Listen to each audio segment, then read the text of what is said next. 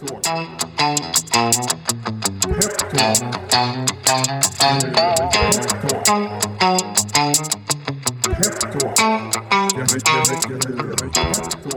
och välkomna till ett nytt avsnitt av Peptalk som idag leds av mig, Jakob Karlgatt och med mig har jag Martin N Larsson. Eh, idag gästas vi av Jimmy Stenqvist Evergård, VD och grundare av SaaS-bolaget Planency.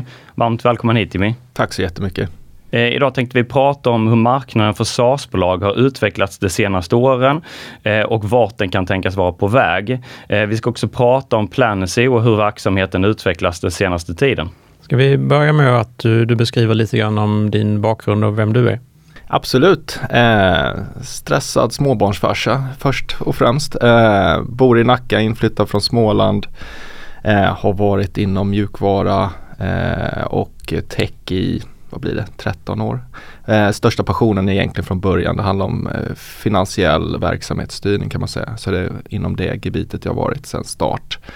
Eh, VD på Planacy sedan fem år tillbaka blir det nu. Eh, varit med i bolaget sedan eh, begynnelsen för åtta år sedan. Eh, det närmar sig åtta år sedan om jag inte är helt ute och cyklar. Yes, eh, jag är uppfattningen att eh, för cirka tre till fyra år sedan så var SaaS-bolag superhett bland investerare. Eh, det var en av de sektorerna som hade allra högst värderingar. Eh, många bolag skalade upp verksamheten otroligt snabbt och hade eh, finansiärer som liksom förespråkade growth at any cost. Eh, sen vände marknaden och investerarna började istället välja att de vill se liksom mer av positiva resultat snabbare, vilket klart blev utmanande för många bolag givet att det krävde stora förändringar i verksamheten. Delar du denna bilden och i så fall vilka typer av SaaS-bolag tycker du har varit mest framgångsrika i den här liksom omställningen? Eh, den är svår att inte hålla med om. Eh, alltså backar man tejpen 5-6 år sedan så var det fortfarande många i Stockholm, Sverige som knappt visste vad SAS var och inte förstod på sig den prenumerationsbaserade modellen. Eh, sen så började intresset eh, skala upp ganska snabbt och för tre år sedan så var det väl eh, början på den boomen vi såg som varade i ett och ett halvt, två år kanske. Eh, jag tror just det du sa där med growth at any cost eh, var ett mindset som ofta kommer ifrån VC-industrin. Du ska ta in mycket pengar och du ska stå på, på gasen eh, för du kan vinna en väldigt stor marknad. Eh, för många bolag har det varit rätt. Alltså vi har jätteframgångsrika SaaS-bolag som, som verkligen har valt den strategin och gör det otroligt imponerande. Men vi har ju också väldigt många bolag som eh, kanske borde ha haft ett mindset med growth eh, under control. Eh, där man nödvändigtvis inte behöver vara lönsam hela tiden men där du har ett fokus på när kommer lönsamheten komma och att du hela tiden har den flaggan inom eh, nära räckhåll så att säga. Eh, så det är väl det är väl jag tror att många bolag kommer ha svårt att ställa om från det ena till det andra utan att göra extrema eh, cut-off och layoffs som kommer förändra bolagen i, i, sin grund. Och då är frågan, tycker grundarna att det är kul etc. Eh, men jag tror, jag tror många entreprenörer inom SAS tappade lite sitt fokus och man skulle växa till vilken kostnad som helst för att det var det alla sa och det var det enda naturliga. Eh, så det är intressant att vi ser en omställning som jag tycker är väldigt sund. Nu kommer vi ju prata lite grann om, om Planisy längre fram i det här mm. samtalet, men jag tänker att, och jag menar en del eh, SaaS-bolag har ju också valt de senaste åren att inte ta in externt mm. riskkapital. Mm. Eh, och kanske ha en långsammare eh, tillväxttakt och bygga bolaget långsammare mm. men, men eh, utifrån ett annat perspektiv också kanske liksom inte vara beroende av riskkapitalmarknaden. Planisy gick ett, ett, ett, annat håll och har valt att ta riskkapital. Mm. Hur, hur tycker du att det har funkat för, för, för er? Och, eh, eh, inte för att nedvärdera era aktieägare idag, de som har tagit mest risk kanske, men men, men ångrar ni någonstans att, att ni gick det spåret eller har det varit hjälpt er? Nej, det har varit ett spår som har hjälpt oss. Alltså vi behövde ta in kapital för att kunna realisera det vi behövde realisera där och då och ta oss de stegen som behövde tas. Eh, vi har ju samtidigt i förhållande till Anna varit ganska blygsamma på mängden kapital vi har tagit in och det har ju varit väldigt mycket med fokus på, på det jag sa tidigare där, att ha kontroll. Eh, dels kontroll som grundare men också kontroll över när kan lönsamheten komma och hela tiden tro på den planen. Alltså genuint tro på den, inte säga att man ska nå lönsamhet utan verkligen tro på att gör vi de här sakerna så når vi lönsamhet. Med mycket kapital intaget, nu kommer väl kanske smålänningen in i mig, men eh, med mycket kapital intaget så finns alltid en risk också att du spenderar mycket mer kapital än vad du behöver. Alltså både på operations men att du också känner dig ganska Eh, att du har möjligheten att investera kraftigt i allt ifrån marknadsexpansioner till ett bredare produkterbjudande för tidigt innan man har satt det liksom grunderbjudandet. Eh, så jag, jag tror på balans däremellan. Alltså du behöver ta in kapital om du ska göra vissa saker. Eh, det finns SAS-bolag i Stockholm som har varit, eh, haft eh, den tacksamma situationen men också otroligt eh, duktigt exekverat att de kan växa helt utan kapital. Men det är ju ganska få förunnat inom SAS givet att intäkterna eh, smetas ut över väldigt lång tid. Mm. Eh, något som många investerare håller noga koll på i SaaS-bolag är ju bolagens churn, alltså kundbortfallet. Eh, detta blir ju en viktig KPI eftersom att affärsmodellerna ofta bygger på återkommande intäkter eh, från prenumererande kunder. vad skulle du säga är, liksom, är det som gör det alltså att man får en stickiness i sina kunder och, och därmed liksom håller nere churnen? Mm. Eh, det skiljer ju, alltså det är en svår fråga med många olika svar för det beror ju väldigt mycket på vad du har för typ av produkt och vem är din kund etc. Men, men jag tror mycket där blir att väldigt många SaaS-bolag har liksom väldigt bra produkter. Det, det betvivlar jag inte alls men du har kanske produkter som är mer nice to have. Eh, och då kommer körnen komma i synnerhet i tider som vi går igenom nu när, när bolag börjar bli mer kostnadsmedvetna och dra bort system och dra bort på saker och ting som de inte eh, måste ha. Så att gå fr från need to have till, eh, till must have eh, är ju det som skapar stickiness. Eh, och sen stanna kvar där. Du, alltså produkten måste tillföra ett kritiskt värde hela tiden. Så ju närmare du ligger affärskritiska processer hos kunden, ju längre kommer du stanna och ju lägre körn kommer du ha. Alltså man kan ta det yttersta exemplet, liksom, det blir ju ERP-systemen. Det, det, gör ju jätteont att byta ett ERP-system för ett större bolag. Så riktar du dig mot Enterprise med affärskritisk, affärskritiska system det blir naturligt låg körn för en sån verksamhet. Men också väldigt mycket högre anskaffningskostnader å andra sidan. Liksom, så det blir en dyr operations för att driva det. Eh, men att för, successivt flytta sig till, till must have eh, och att eh, inte bara tillföra lite snygga saker utan väldigt affärskritiska saker. Och kanske också i den delen av marknaden där vi är idag, eller konjunkturen snarare, också viktigt att ligga väldigt, väldigt nära sina kunder. Absolut. Eller? Och det, det, är ju det jag ser som, eh, som fördel med hela SAS-modellen. Du måste mm. ju vara nära kunden hela tiden. Och det blir också lite enklare enligt mig när du har kommit upp mid-market enterprise-nivå.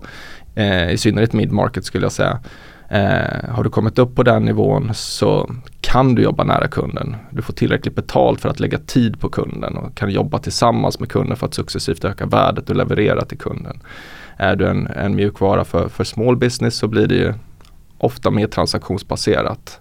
Eh, så där, där har jag inte lika mycket insikter för jag har egentligen aldrig jobbat mot eh, small business i den utsträckningen. Mm. Om vi ska förenkla bilden av vad vi gör på Peppin så jobbar vi ju huvudsakligen med bolag i, i tidig fas mm. eh, och kanske också befinner sig snarare i en startup-fas snarare än en, en scale-up. Det är väldigt svårt att hitta liksom bakåtblickande KPI och sådär. Är det någonting som du skulle vilja lyfta fram som, som viktigt att titta på utifrån ett investerarperspektiv när du tittar på bolag i tidiga faser? Det är ju nästan omöjligt att titta på KPI och åtminstone med trovärdighet titta på KPI eller att prata om KPI alldeles för tidigt. Eh, det man kan göra är att titta på peers då möjligtvis. Eh, men kommer någon med ett case eh, utifrån ett investerarperspektiv så är det att titta på trenden. Har de kommit någonstans, vilket peppinsbolagen i regel har, så kan de ju visa på en trend. Alltså en trend på hur, hur de kan öka kundanskaffningen eh, procentuellt gentemot tidigare. Vilken körn de ligger på just nu, men där också baka in peers data och vad ligger andra på inom det här segmentet. Eh, jag själv är en G2-nörd eller har blivit en G2-nörd så jag tittar mycket på deras eh, grids på olika så springa på ett, en, en ny mjukvara jag inte sett tidigare. Liksom, och vilka är det de konkurrerar med? Vilken kategori är det de tillhör? Vad är det de erbjuder som ingen annan erbjuder? Eh, hur ska de kunna slå åtminstone många av de konkurrenterna? Eh, de behöver inte alltid slå alla. För vissa, vi, vissa system kräver ju någon form av the winner takes it all eh, mentalitet men väldigt många kräver ju inte det. Så vad är det unika då? Vad blir deras positionering i förhållande till de andra?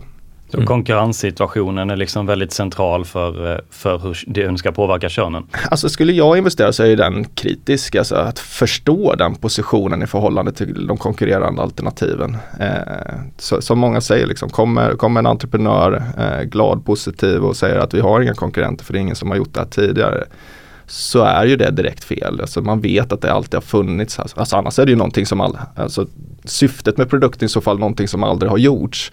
Det, de kan väl finnas de produkterna men oftast så finns det ett substitut och för väldigt många SaaS-bolag är det ju Excel eller någon form av dokumenthantering eller liknande liksom, eh, som, som det bakas ner i. Eh, så vad är det de erbjuder utöver det som har gjorts tidigare och vad är det vinsterna eh, är med produkten så att säga.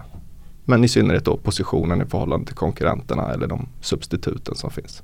Mm. Ja, man brukar ju lite skämtsamt uh, säga att uh, uh, nya bolag i, idag är oftast en kombination av två andra bolags eller affärsmodeller som har funnits tidigare. Ja, det, det ligger väldigt mycket i det. Och en, en, av dem är ofta Microsoft. Eh, men om vi inte bara pratar eh, kön utan vi pratar liksom eh, KPI i allmänhet i en analys av ett SaaS-bolag. Vad, vad tycker du man ska titta på då? Nu är jag ju nörd alltså inom, inom affärsmodellering och, och finansiell verksamhetsstyrning. Men tittar man rakt av på SAS KPI och de SAS KPI vi själva just nu följer väldigt mycket. Då är det ju CAC, eh, CAC Payback, eh, Lifetime Value eh, i förhållande till, eh, till CACen. Eh, net Revenue Retention absolut. Eh, sen så har vi ju en egen, eller jag har en egen favorit som som eh, många kanske inte följer och det är ju ARR per capita eh, kan vi kalla den. Eh, finns säkert ett mer fancy namn. Men det är ju för att bevisa liksom någon form av operations effektivitet. Hur många anställda behöver vi för att driva den här sizen på business och att hela tiden se att det, den kan förflyttas uppåt så att säga.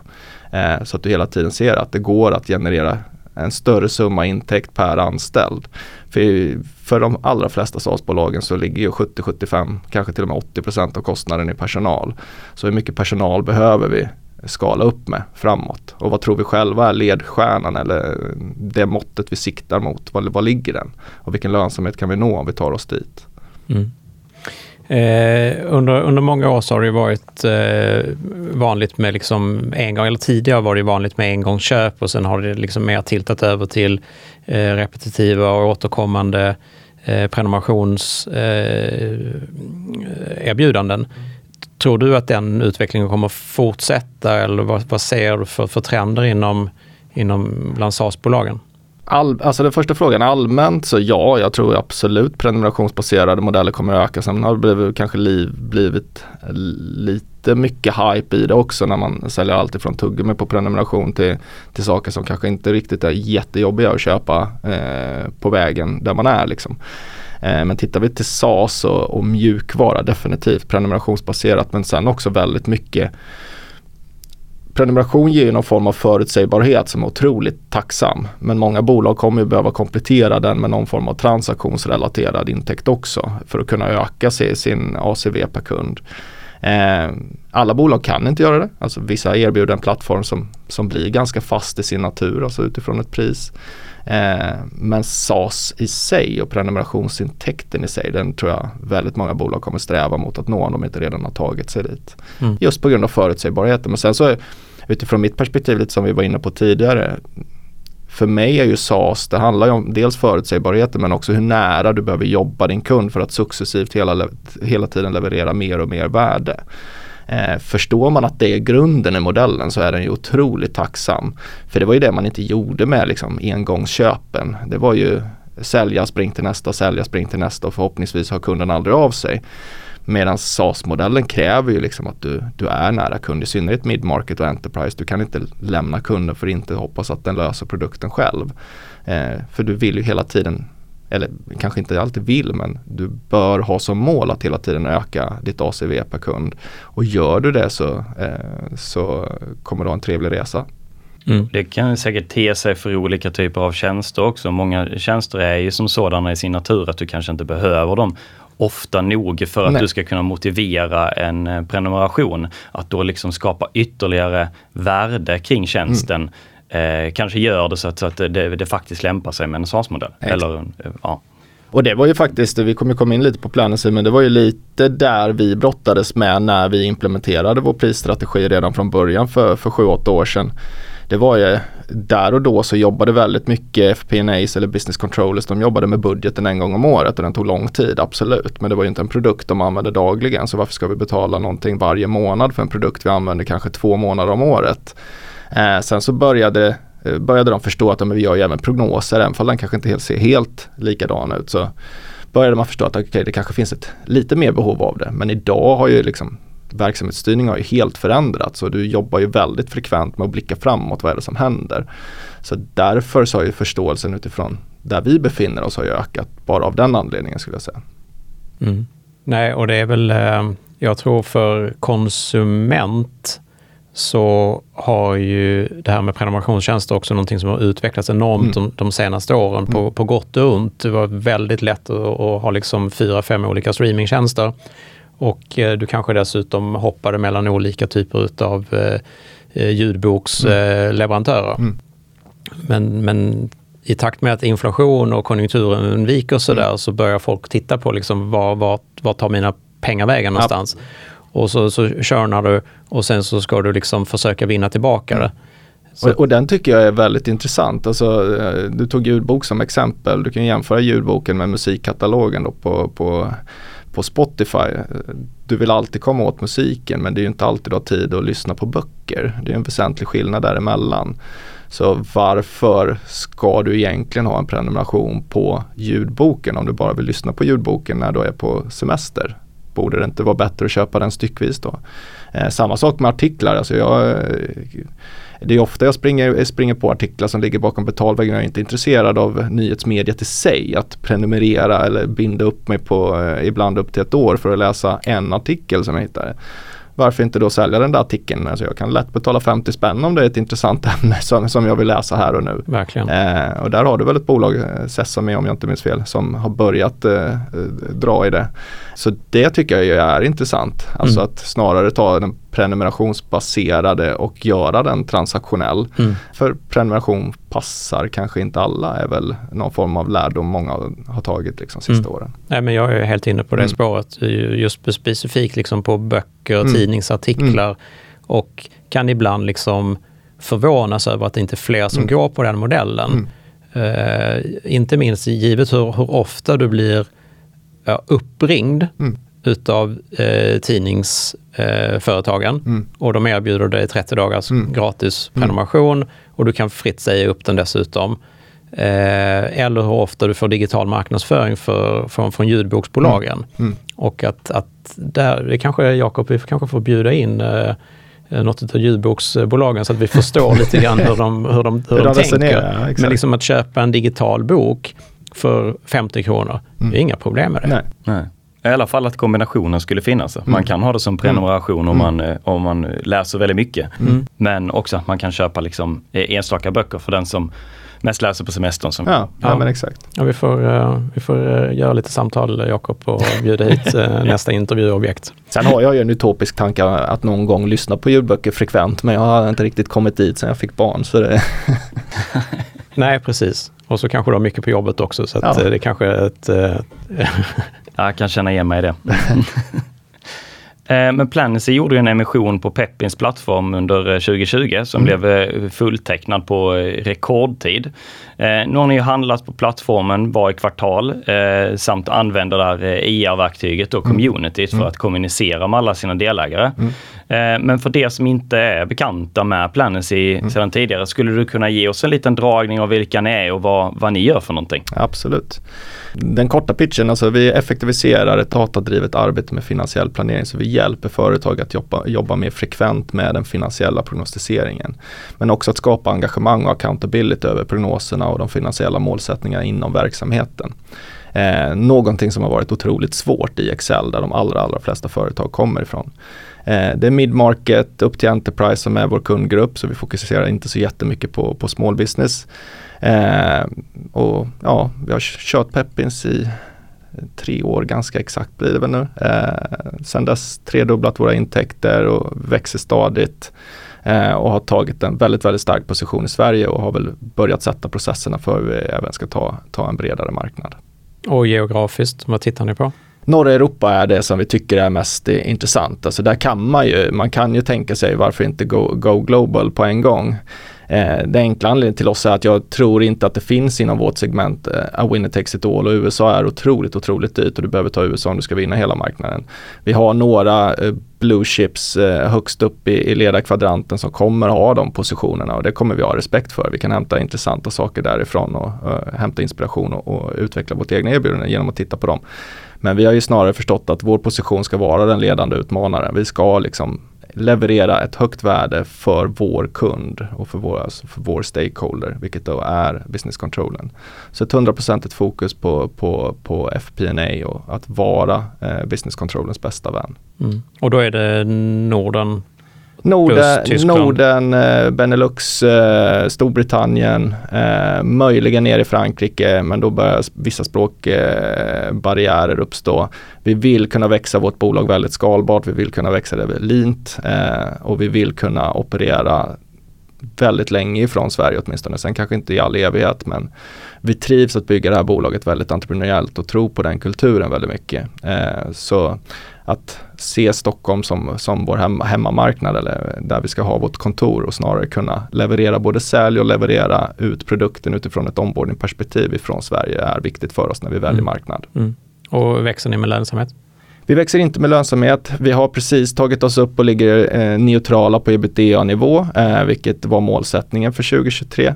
Eh, vi ska fortsätta det. Eh, vi har förbättrat kassaflödena, eh, investerar fortfarande ganska mycket utöver vad, vad det operativa kassaflödet uppgår till.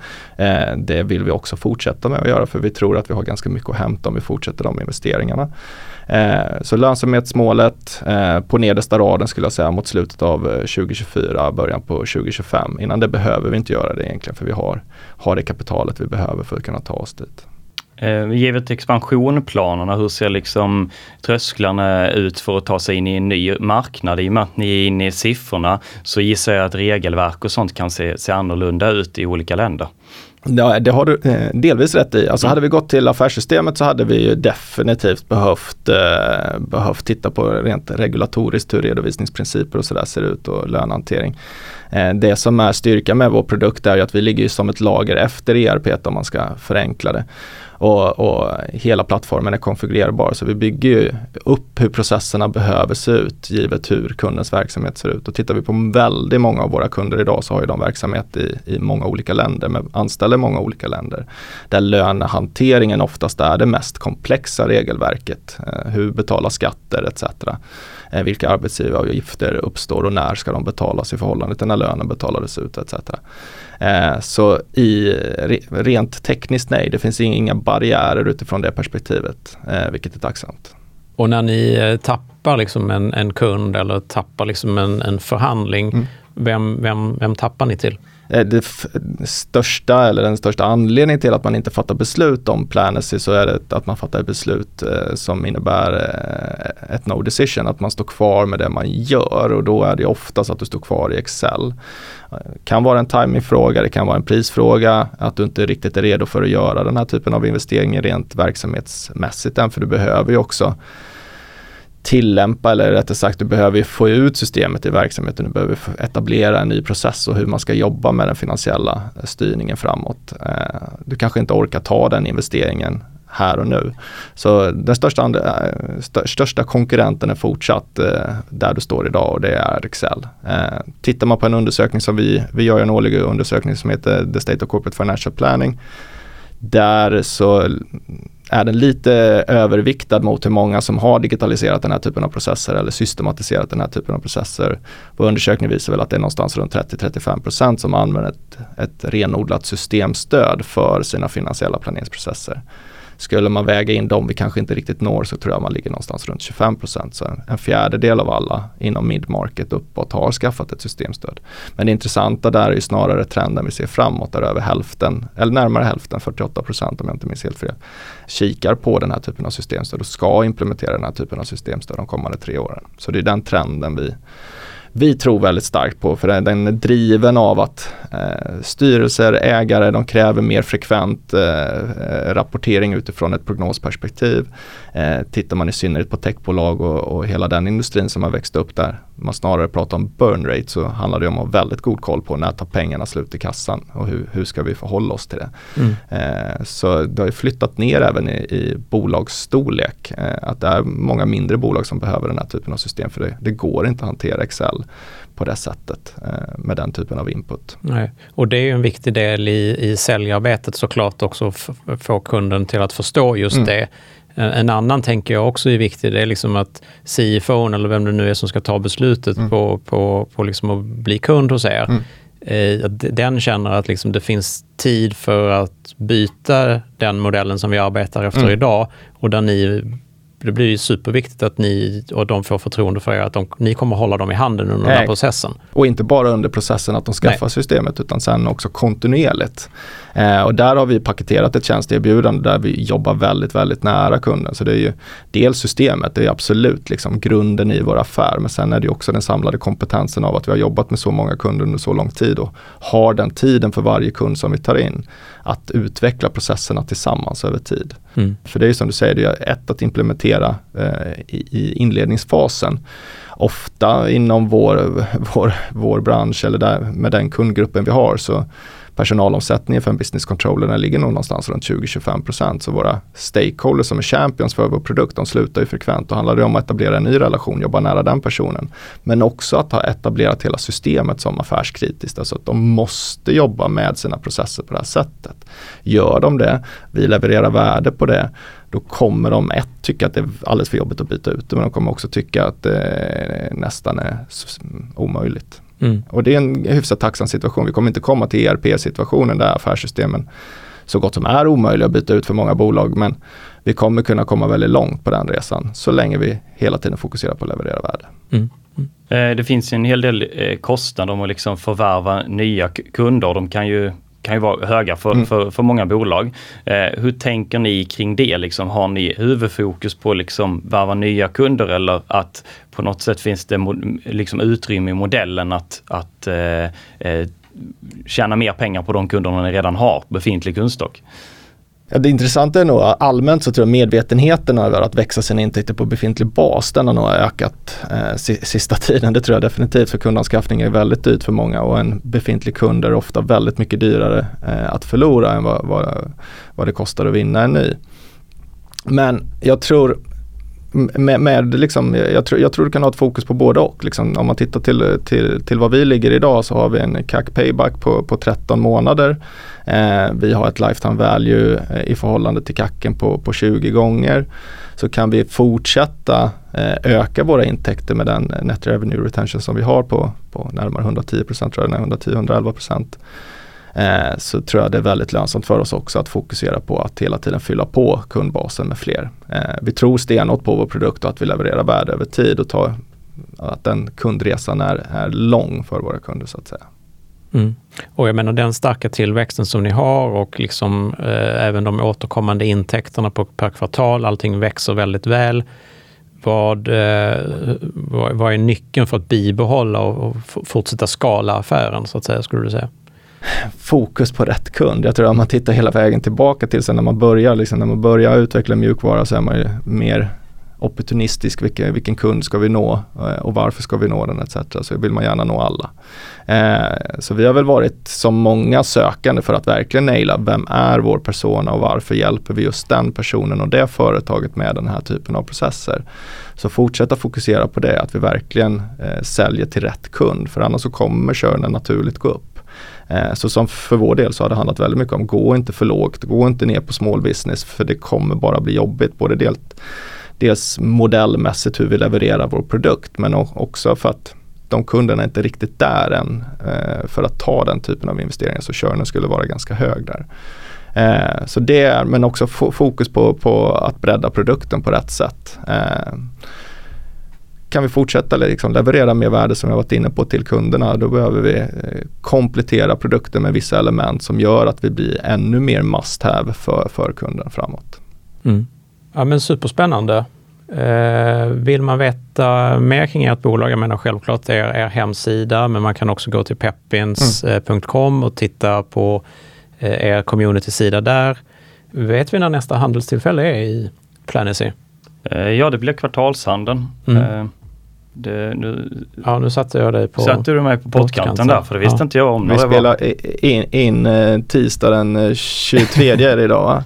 Så onsdag den 24 inleds nästa eh, handel. Ja, Ja, men strålande. jättebra. Då kan man eh, titta på... Och det, det har jag koll på för att vi publicerade rapport idag på Peppins. Exakt. Och där är också guidade på ett nytt kontor. absolut, absolut. Vi flyttade in i februari. Eh, otroligt trevligt. Eh, Mm. Dubblat ytan så har, eh, har möjlighet att fortsätta växa teamet. Mm. Eh, men, eh, jättetack för det här samtalet Mm, tack eh. Jimmy. Mycket trevligt. Ja, Tack. tack. Kom ihåg att en investering i noterat och onoterade bolag innefattar risk. En aktieinvestering kan sjunka i värde och det är inte säkert att en investerare får tillbaka satsat kapital eller något kapital alls. Ingenting som sägs i denna podcasten ska anses vara rådgivning och tidigare resultat är inte en garanti för framtiden. Thank